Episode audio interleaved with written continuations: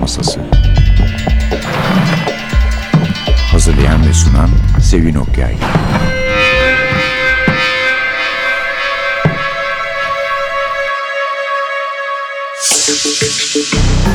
Merhaba, NTV Radyo'nun Cinayet Masası programına hoş geldiniz. Söz verdiğimiz gibi bu hafta bir Glenn Mead sunuyoruz. Glenn Mead tanıdığımız bir yazar. Türkçe'de çok kitabı çıktı. Kitap fuarına konuk olarak gelmişti. Hatta biz de bir söyleşi yapmıştık o zaman kendisiyle. Ama epey uzun bir ara verdi bu Türkçe'de çıkan kitapları yani. Ve nihayet Mead hayranları buz kapanı ile yazara yeniden kavuştular. Web of Deceit orijinal ismi. Kırmızı Kedi'den çıktı. Ali Cevat Akkoyunlu çevirisiyle. Biliyorsunuz Glenn Mead'in yani okuyanlar biliyor ki o kadar hayli çok okuyucusu var onun için biliyorsunuz dedim. Glenn Mead kitapları her şeyden önce e, ciddi bir araştırma üründür. Çünkü aslında bir gazeteci Glenn Mead. Aksiyonları çok sağlamdır. Kendisi e, aslında karakterlerin çok önemli olduğunu ve iyi bir karakterin iyi bir kitap ortaya çıkaracağını düşünüyor. Bir de çok hızlı akıyorlar yani hızlı bir seyirleri var. Mesela bu kitap şöyle başlıyor. New York'ta Jennifer March sabah karşı saat 3 karanlığında uyandığında odada bir varlığın hareketini hissetti diye başlıyor ve sonra bunun saldırma niyetinde bir varlık olduğu anlaşılıyor. Jennifer korku içinde kalkmaya çalışırken adam suratına bir tokat patlattı. Yüzünde yakıcı bir iz bırakan bir tokat. Sakin ol. Çakan bir şimşeğin ışığı odayı aydınlatınca saldırganın yüzüne baktı ve italik olarak adamın yüzü yoktu. Böyle korkutmalar ki bu ilk bölümde epeyce var. Aslında evet Glenn Mead'e de özgü sayılabilir. Buz kapanı Jennifer'in başına gelen bu beklenmedik olayla başlıyor. Jennifer March aslında parası olmayan müvekkillere yardımcı olan bir avukat. Yani hayatını onlara adamış denebilir çünkü çok dar bir çevresi var. Kardeşi var, müvekkilleri var. Bir de tek arkadaşı olan Mark var. Mark Ryan çocukluk arkadaşı. Onun dışında bir şey yok hayatında. Ve bu olay eğer hayatında bu türden yaşadığı ilk şey mi diye soracak olursanız hiç ilgisi yok onu da söyleyeyim. Çünkü yıllar önce büyük bir dram yaşamışlar aile olarak. Sık sık seyahate çıkan ve bir yatırım bankasında yönetici olan babası gene seyahatteymiş. O yokmuş ama gece eve bir adam girmiş. Önce annesini öldürmüş. Sonra kardeşi, erkek kardeşi kendini tekerlekli sandalyeye bağlayacak kadar ağır bir yara almış ve saldırgan Jennifer'de tecavüz etmeye yeltenmiş. Bu da tabii hiç insanın unutamayacağı bir olay. Bu da Jennifer'in sık sık hatırladığı ve her seferinde neredeyse aynı derecede büyük ızdırap duyduğu bir şey. Ama bu kitabın başındaki olaydan hemen sonra hayatını bir kez daha alt üst eden bir şey oluyor. Alplerin sırtındaki bir buzul yarığında babasının cesedi bulunuyor. Yanında bir takım evraklar da var. Genç bir dağcı tarafından bulunmuş ve Jennifer gerçekleri öğrenmek için yola çıkıyor.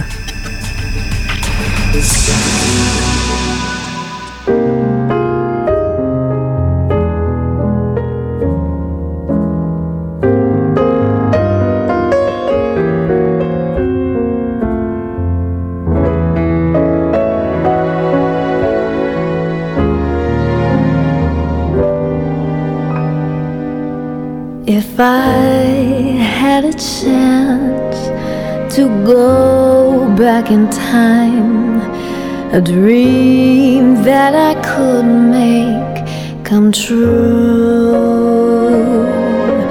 I'd go to a place where I'd see his face,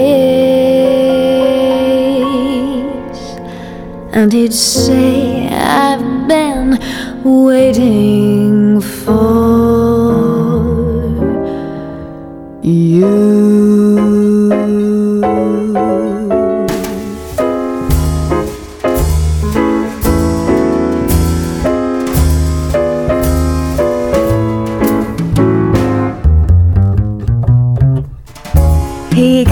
fly me to the moon, we would be on a honeymoon.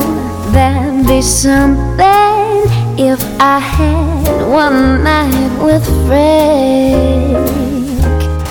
He would be singing at the sands, swinging with Basie and his band. What could be better than to have one night with Frank? Anything goes when the summer wind blows. I can see why they said, oh, blue eyes. Through night and day, his old black magic way would keep me hypnotized. He could be loving all of me, and we'd be dancing cheek to cheek. I would have my way if I had one night with Frank.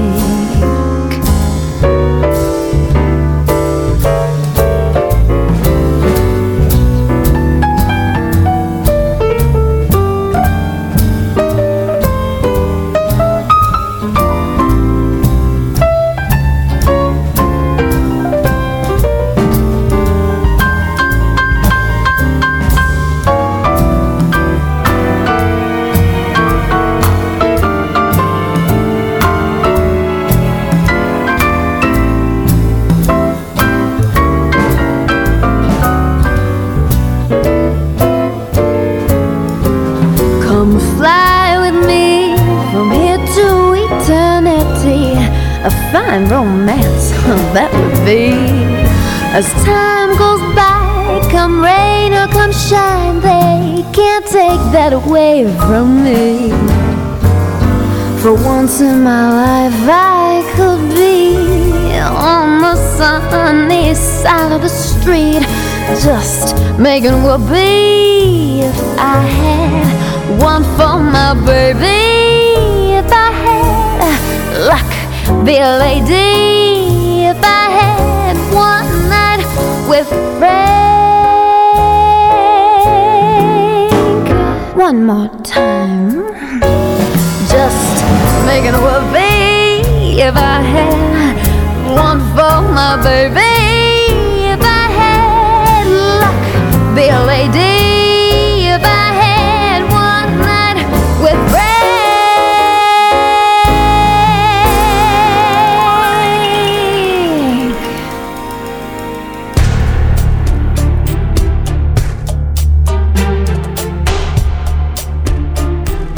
Sürekli olarak evden uzak olmasına rağmen Paul March eşi ve kızıyla vakit geçirmek üzere dolu programından fedakarlık yapmaktan da geri kalmıyordu.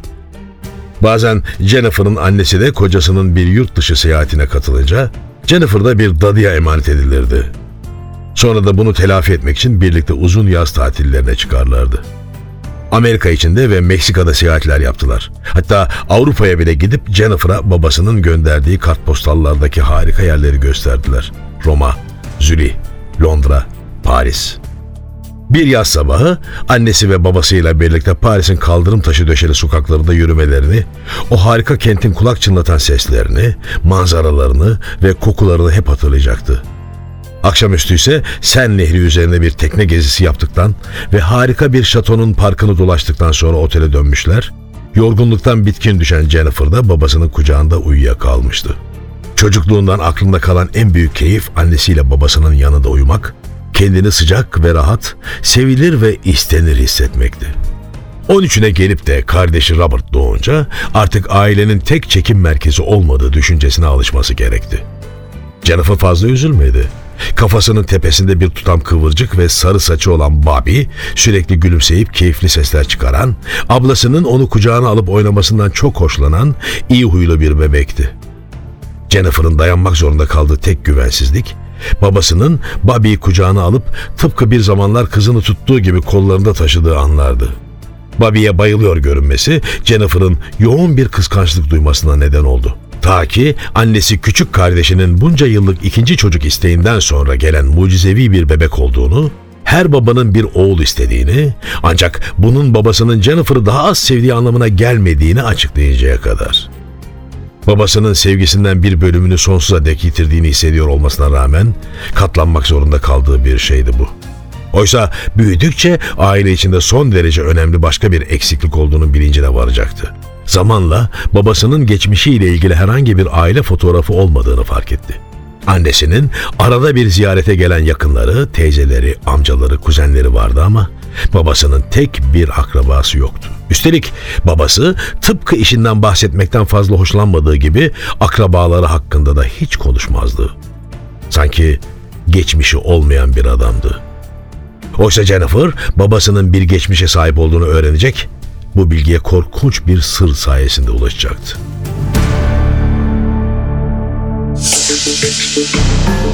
Evet Jennifer March yola çıkar demiştik. Jennifer hakikaten kimsenin sözünü dinlemeyerek yola çıkıyor. Mark Ryan'ın onu Mark polis bu arada. Mark Ryan'ın onu korumak için öne sürdüğü bütün nedenlere karşı. Fakat Mark gene de bu yolculuğa çıkıyor. Çünkü bir CIA ajanı olan Jack Kelso ona Jennifer'in hayatının tehlikede olduğunu söylüyor. Jennifer de özel dedektif Frank McCall'la işbirliği yapıyor. McCall'un oğlu Chuck, Jennifer'in babasının cesedini bulan ve hemen akabinde öldürülen genç. Yani her şey birbirine bağlı. Ve bundan sonrasında zaten artık söylemenin anlamı yok ama tabii Mead okuruysanız hepsinin büyük bir komploya bağlanacağını da tahmin edersiniz. Glenn Mead bir gazeteci demiştik. 1957 yılında Dublin'de doğdu. Finglas kasabasında. Irish Times ve Irish Independent gazetelerinde yazdı. Kar kurduyla şöhreti yakaladı. Eğitim pilotu olarak da çalıştı uzun süre ve 1980'lerin ortalarından ilk romanını yazana kadar yani 1994'e kadar Dublin'deki Strand Tiyatrosu'nda kendi yazdığı bir dizi oyunun yönetmenliğini de yaptı. Yalnız bu yönetmenlikleri parasız olarak sırf oyunlarını sahnelesinler diye yaptığında itiraf ediyor. Ama artık sadece yazarlık yapıyor. Pilot eğitmenliğinde bir kenara bırakmış. Tanıtımında kitabın diyor ki Glenn Mead'in romanlarını olay ve kurgu bakımından Frederick Forsyth, John le Carre ve Tom Clancy'nin heyecanlı bir karışımı olarak nitelendiriliyor romanları.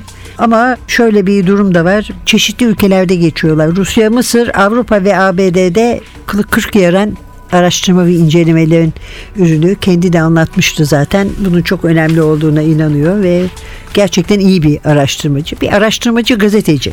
O ruhu da hala muhafaza ediyor. Kitaplarından burada çıkanları bakacak olursak The Sands of Sakkara, Sakkara'nın kumları, Brandenburg, Snowwolf, Kar Kurdu. Onun en beğendiği kitabı olan Resurrection Day var ama onun Türkçe adını bulamadım. Belki de çıkmamıştır.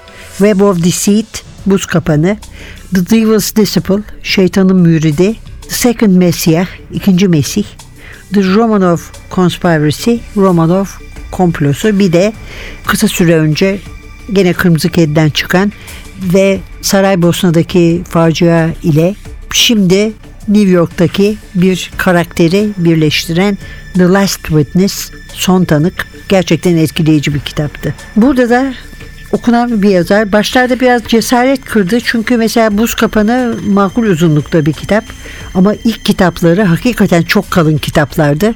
Dolayısıyla sanıyorum ki okurlar yani okur olabilecek kişiler o uzunluktan kaçtı ama Fısıltı Gazetesi yoluyla yeniden döndüler Glenn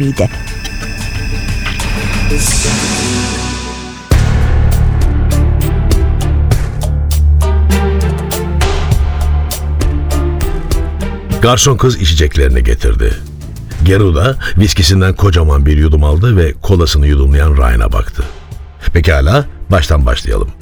Babanın telefonu üzerine olay yerine önce yerel polis, onların 5 dakika arkasından da dedektifler geldi. Sabaha karşı bir suları filan olmalı. Ebeveyn yatak odasında kadının cesedini, onun yanında da oğlunu bulduk.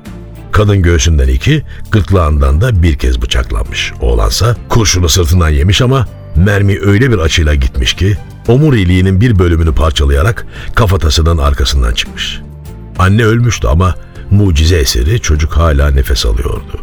Kızları ise derin bir şok içinde babanın evindeydi. Bu kadarını biliyorum devam et. Evi incelediğimizde hiçbir yerin zorlanmadığını gördük. Bu pisliği yapanlar her kimse ya önceden bir anahtar edindiler ya da son derece profesyonelce iyi çalışıyorlardı. Kız üst kattaki pencerelerden birini açık bulduğunu söyledi ama pencerede ne parmak izi bulabildik ne de zorlandığını gösteren bir belirti. Tabii pencere mahsus açık bırakılmış da olabilir. Bunun dışında kız ona saldıranın bir erkek olduğundan neredeyse tümüyle emindi. Bir de biliyorsun babasını hiç bulamadık. Sanki buhar olmuş uçmuş gitmiş gibi. Seninkiler bunun babanın işi olduğunu düşündüler değil mi? Olabilirdi. Neden olabilirdi? Geru da masadaki kaseden bir avuç fıstık alıp ağzına tıktı. Durumu en az bizim kadar bildiğini sanıyordum. Adam şirketinin işi için uçakla İsviçre'ye gitmişti. Uçak şirketiyle temasa geçtik. Adam çekin yaptırmış ama uçak Zürih'e iner inmez ortadan kaybolmuş. Jandarmayı harekete geçirdik. Zürih'teki bütün otelleri aramalarını sağladık. Avrupa'da hala otele girerken pasaportunu falan göstermen, bir giriş kartı doldurman gerekiyor. Mecburi olduğundan bütün otel müşterilerinin kaydı tutuluyor. İsviçre polisi tüm kartları teker teker elden geçirdi ama Març'a rastlayamadı. Onun için elimizde ya sorusundan başka bir şey kalmadı. Ya Març ailesinin öldürülmesini ayarlayıp ardından cızlamı çektiyse?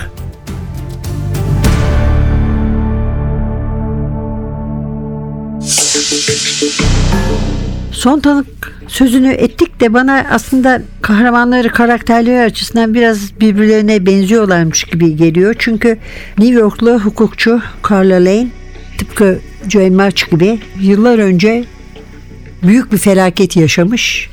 Ama onun farkı şu ki hatırlamıyor. Ancak çok uzun yıllar sonra kocası gizemli bir suikastte öldürülünce müzisyen kocası ve bir takım garip görüntüler gözünün önünden geçiyor. Daha doğrusu şiddetleniyor.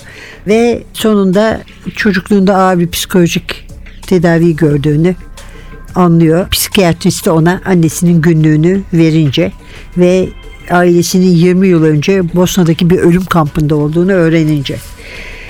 Ve her ikisi de yani Carla da Jane de ailelerinin başına gelen bu felaketleri öğrenme yolunda bir girişimde bulunuyorlar. Gerçi bazı eleştirmenler mesela Jane March'ı savunmasız kadın tipine çok yakın bulmuş ama ben pek öyle olduğunu da sanmıyorum. Çünkü her şeye rağmen geri çekilmiyor. Evet gelelim Glen Mead'e çok sevmişti burayı. Fuara geldiğinde çok büyük dinleyici kitlesiyle karşılaştı. Gerçekten salon tamamen doluydu. Aşağı inip beklemek zorunda kaldım orada konuşamayıp. Çok imza bekleyen okuru vardı aşağıda da ve yani sonları da gelmedi bayağı günün sonuna kadar. Dolayısıyla belki de burayı çok sevmesinin nedenlerinden biri de gördüğü bu hüsnü kabuldür diye düşünüyorum. Hatta bir daha sefere oğlunu da getirme konusunda kararlıydı ama bilmiyorum getirdi mi. Kendi kuşağının en başarılı İrlandalı yazarlarından biri olduğunu rahatlıkla söyleyebiliriz. Burada da bize de anlattığı bir hikaye vardı. Onu bir başka söyleşide de tekrarlamış. Yani ilk kitabını yazmaya seni ne sevk etti? Ee, nasıl yazmakla ilgilendin diye sormuşlar. O zaman anlatıyor ve belirtmiş de yani bu kurmaca değil gerçek diye.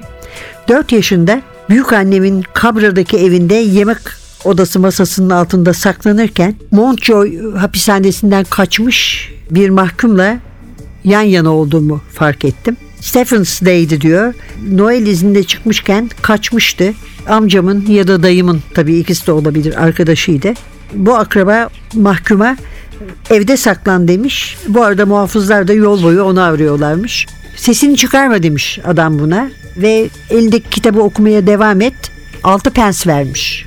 Böylece diyor ilk defa kitaptan para kazanabileceğimi fark ettim ve bu da bu bilgi de beni bugüne kadar getirdi diyor. Gerçekten de güzel bir başlangıç olmuş. Ama ondan sonra e, devamının da aynı parlaklıkta olması elbette Mead'in yeteneği ve çalışmasından kaynaklanıyor.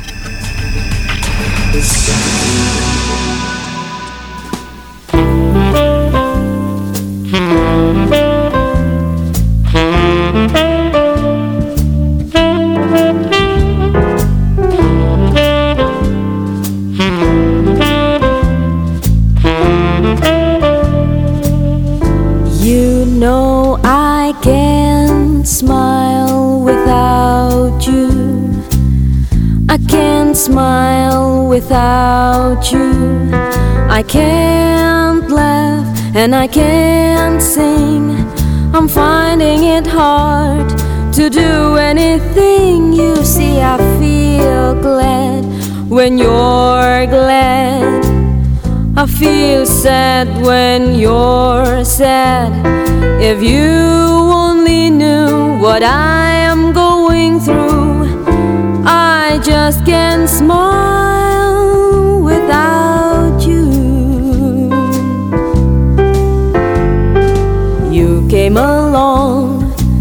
just like a song and brightened my day. Would I believe that you were part of a dream?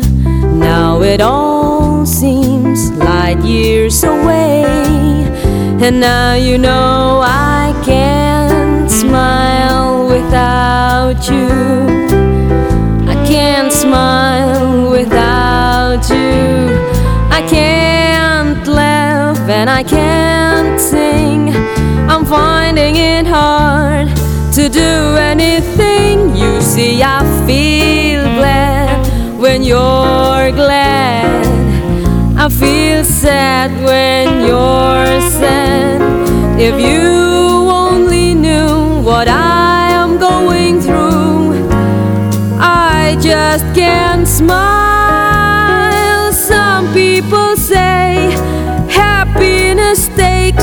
soul.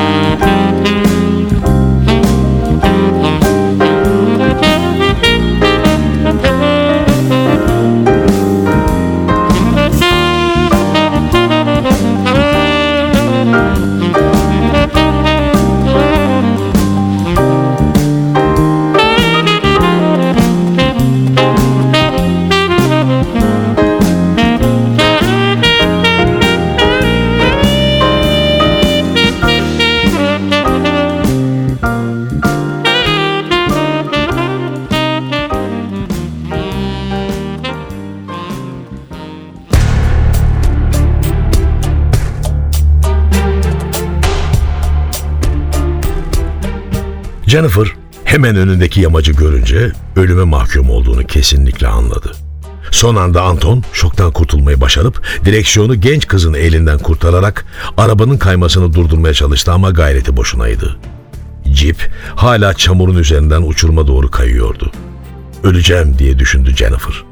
Uçurumun kenarına varmalarına ramak kalmışken nereden çıktığı bilinmez mavi bir dört çeker araba kör dönemecin ardından yavaşça beliriverdi.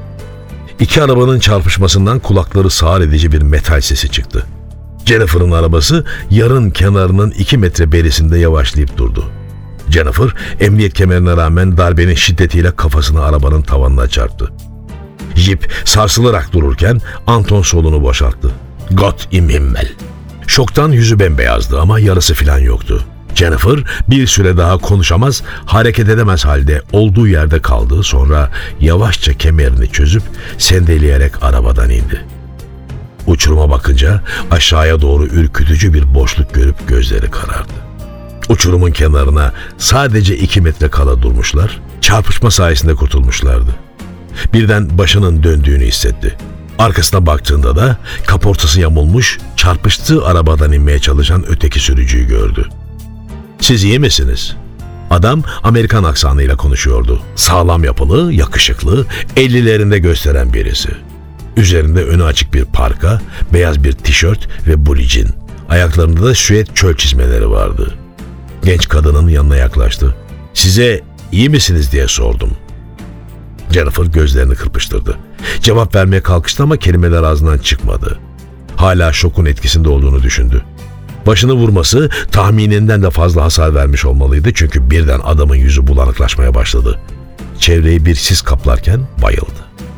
Kendine geldiğinde Anton'u göremedi. Adam yanına diz çökmüş, ıslak mendiliyle alnını siliyor, bir yandan da yanaklarını hafifçe tokatlıyordu. Uyan artık. Kendini nasıl hissediyorsun?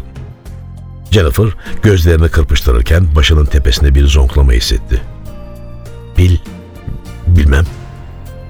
Bir bakayım. Adam eliyle genç kadının yüzünü tuttu, göz kapaklarını kaldırıp gözlerinin içine baktı. Ardından da nabzını saydı. Sonra parmaklarını kaldırdı. Kaç parmak görüyorsun? Üç. Güzel. Şimdi uzan ve sakın kıpırdama. Önce gidip Jennifer'ın arabasını inceledi.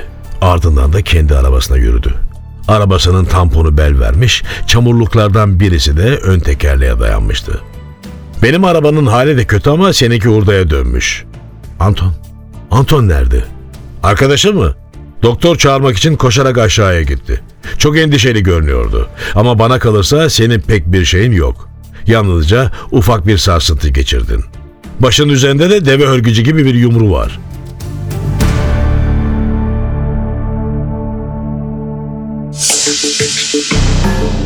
Gene devam edecek olursak bu söyleşiden nasıl kitabını bastırdı faslına, nasıl böyle bir şans buldu, önü nasıl açıldı.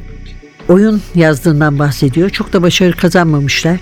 Onun üzerine işte onları sahneye koymayı teklif etmiş ve çok da eğlenmiş.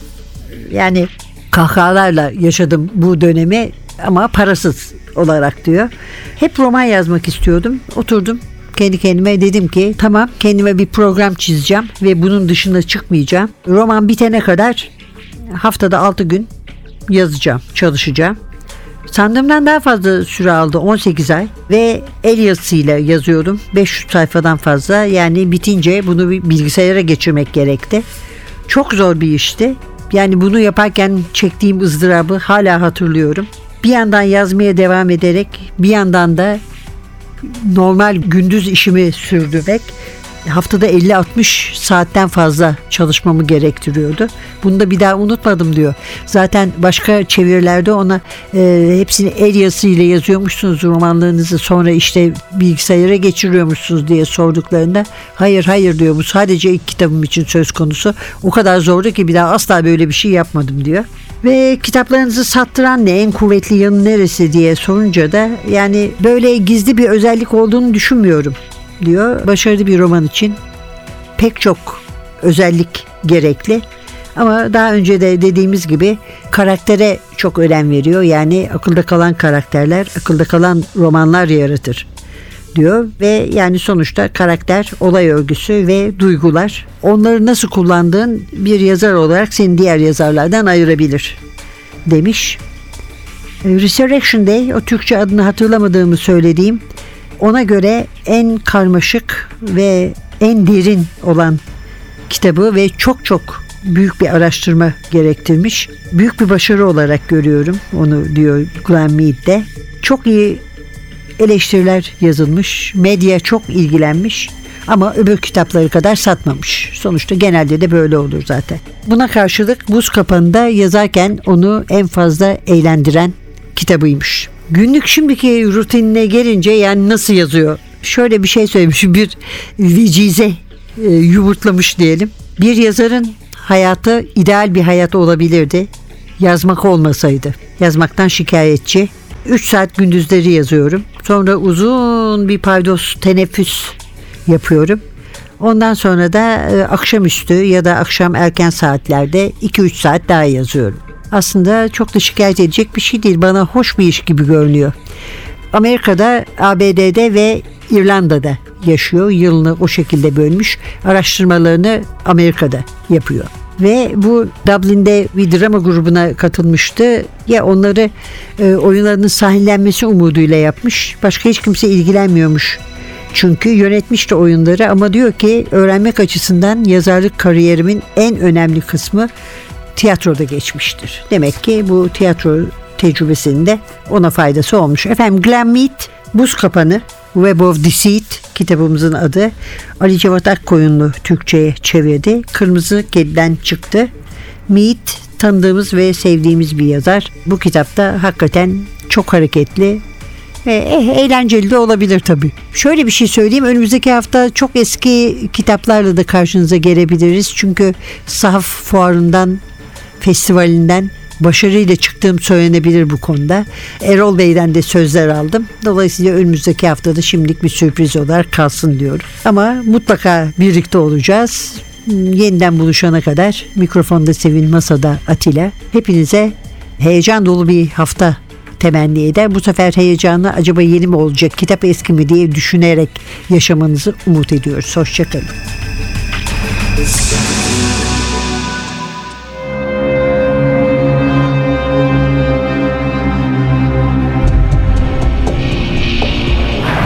Cinayet Masası.